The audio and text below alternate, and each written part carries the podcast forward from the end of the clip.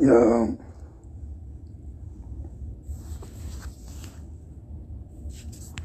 yeah. It just popped in my head. As I was working through the 49th law of power, I had to use all my creative force to make it work, to understand it. But now that I created Money Chasing After Me, I'm understanding something. If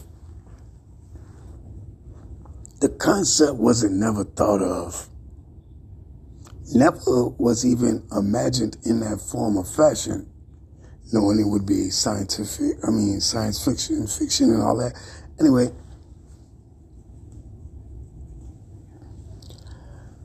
I don't understand how we have the ability to create, move,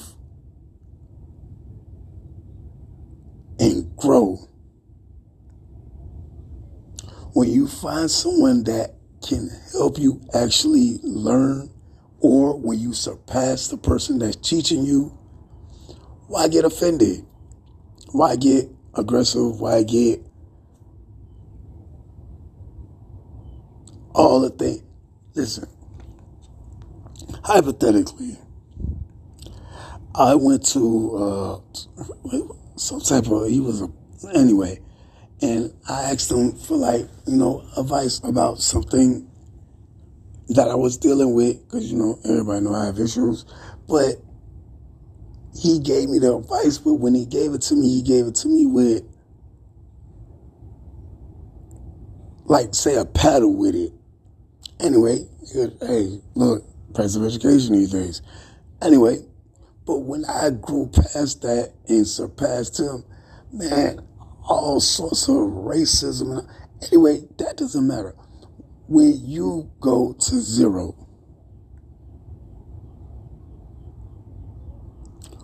finding out what is before the master, never try to outshine the master.